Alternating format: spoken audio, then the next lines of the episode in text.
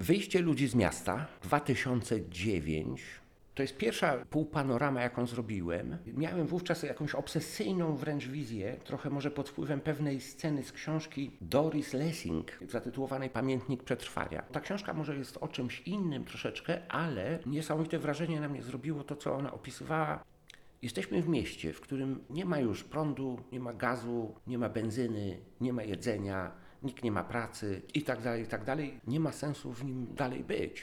No ale miliony ludzi tam wciąż tkwią. Się produkuje jedzenie gdzieś na piętrach przy pomocy takich hydroupraw i tak dalej. No ale po co tam siedzieć? Więc ludzie zbierają się na jakimś placyku i później wyruszają grupowo, bo bezpieczniej grupowo wychodzić z miasta. No i to jest scena opisana przez Doris Lessing i ja sobie ją tak wyobraziłem. Nie wiem dlaczego to mnie tak opętało. To był rok 2009. No ale cóż, jak ktoś przychodzi, trzeba to zrobić. Oczywiście taka scena wychodzących ludzi z miasta, musi się to koniecznie dziać na drodze wyjściowej z miasta. Chciałem, żeby to była autostrada ale już nie, nieczynna, nieużywana, bo nie ma benzyny, już nie ma samochodów, nie ma już niczego. No i ludzie wychodzą, początkowo zabierają ze sobą wszystko, co tam tylko uważają za cenne i tak dalej, no ale jak przejdą trochę, to już zaczynają porzucać te rzeczy, bo już rozumieją, że to jest za ciężkie i niepotrzebne, już rezygnują powoli z tych rzeczy. Ta cała autostrada jest zawalona różnymi rzeczami wyrzuconymi przez tych wychodzących, co zresztą bardzo przypomina różne zdjęcia, które znamy z historii, to znaczy, nie wiem, z historii. Zdjęć z historii się nie zna. Zna się zdjęcia z takiego magazynu pamięci zbiorowej. No i każdy z nas oczywiście posiada taki magazyn pamięci zbiorowej różnych fotografii pochodzących a to z pierwszej wojny, a to z drugiej, a to skądinąd, a to teraz, a to przed chwilą i tak dalej. Więc niektóre z nich pamiętamy, niektóre z nich nie pamiętamy, zależy od osoby, ale coś pamiętamy i rozpoznajemy w tym te zdjęcia. Jest tam w tej mojej półpanoramie, bo trzeba wiedzieć, że to jest półpanorama. Byłoby fajnie, gdyby mogła być cała panorama, ale wtedy wymagałoby to pewnych komplikacji technicznych w XIX wieku były bardzo popularne panoramy i było ich na przykład w Warszawie były dwie, a na w całej Europie to były ich setki. No teraz już one nie są tak popularne, troszeczkę z nich zostało, no powiedzmy panorama Racławicka we Wrocławiu. Nie wiem, gdzie jeszcze w Polsce jest jakaś panorama. W Pradze czeskiej, gdzie mieszkałem przez wiele lat, tam, tam jest jedna panorama, a jedna taka diorama też. No ale kiedyś było tego pełno i myślę, że film fabularny, wynalazek filmu zlikwidował te panoramy, a dopóki filmu nie było, no to można sobie było się y, ulokować w takiej panoramie i oglądać ją jak film, bo przecież to wtedy człowiek się kręci i widzi jakby kolejne sekwencje i tak dalej, i tak dalej. Więc jak powiedziałem, potrzebowaliśmy autostrady, ale nie takiej jakiejś starej, zdezelowanej, tylko takiej nowoczesnej autostrady, takiej, na której można zrobić takie zdjęcie, to znaczy nieużywanej. Trochę nam czasu zajęło to, żeby znaleźć taką autostradę. No i znaleźliśmy ją w Gostyninie, taka miejscowość niedaleko Wisły, rzeki Wisły.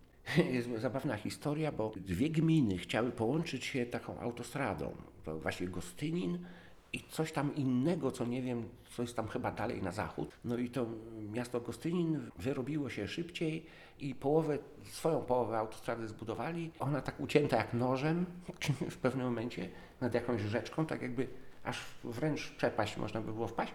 A tam ci drudzy nie zdążyli i nie mieli swojego kawałka, no i ten kawałek autostrady, ale taki dosyć długi, naprawdę z półtora kilometra, to służył mieszkańcom Gostynina do spacerów sobotnio-niedzielnych i takich tam rzeczy. No więc wynajęliśmy tę autostradę od prezydenta, czy też burmistrza Gostynina, który zgodził się na to, zresztą chyba zyskał na tym coś, ponieważ jak rozbieraliśmy te dekoracje, które zrobiliśmy, piekło, które urządziliśmy na tej autostradzie, no to wzięliśmy sześciu czy ośmiu chyba takich bezrobotnych z Gostynina, którzy nam pomagali sprzątać. Chyba to miało jakiś sens.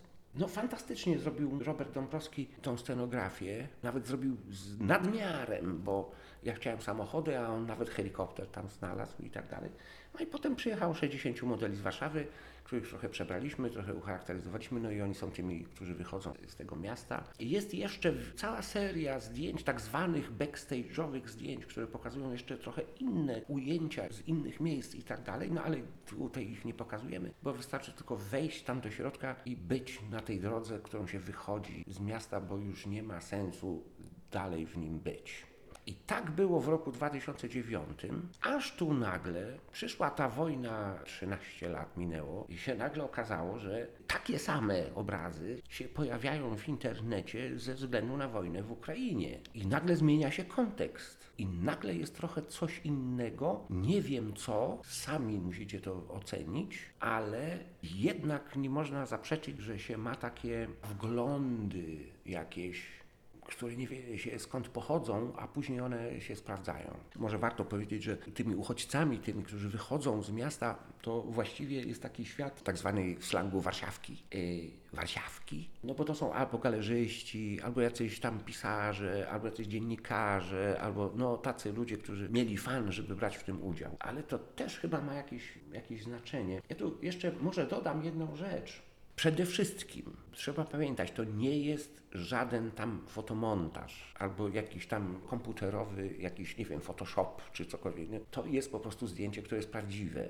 To wydarzenie naprawdę miało miejsce, choć oczywiście na niby, ale ono miało miejsce, to znaczy oni wszyscy musieli się tam znaleźć, musieli przejść tamtędy, trzeba było to fotografować i tak dalej. Niekiedy myślę, że to, co robię, bardziej właściwie polega na tworzeniu sytuacji niż na tych fotografiach. Oczywiście fotografie muszą być, bo one będą dowodem tej sytuacji, którą się stworzyło. I to jest troszkę podobnie jak to, co robiliśmy w latach 80. jeszcze z Jerzym Truszkowskim, czy tam z duetem Kwiek Kulik, czy z Łodzią Kaliską. To jest tak zwany performance do kamery. No i to jest właściwie wszystko, co powiem na ten temat. Aha, trzeba pamiętać, Interpretację pozostawiam każdemu. Nie ma jakiejś jednej prawdziwej interpretacji. Każda jest dobra.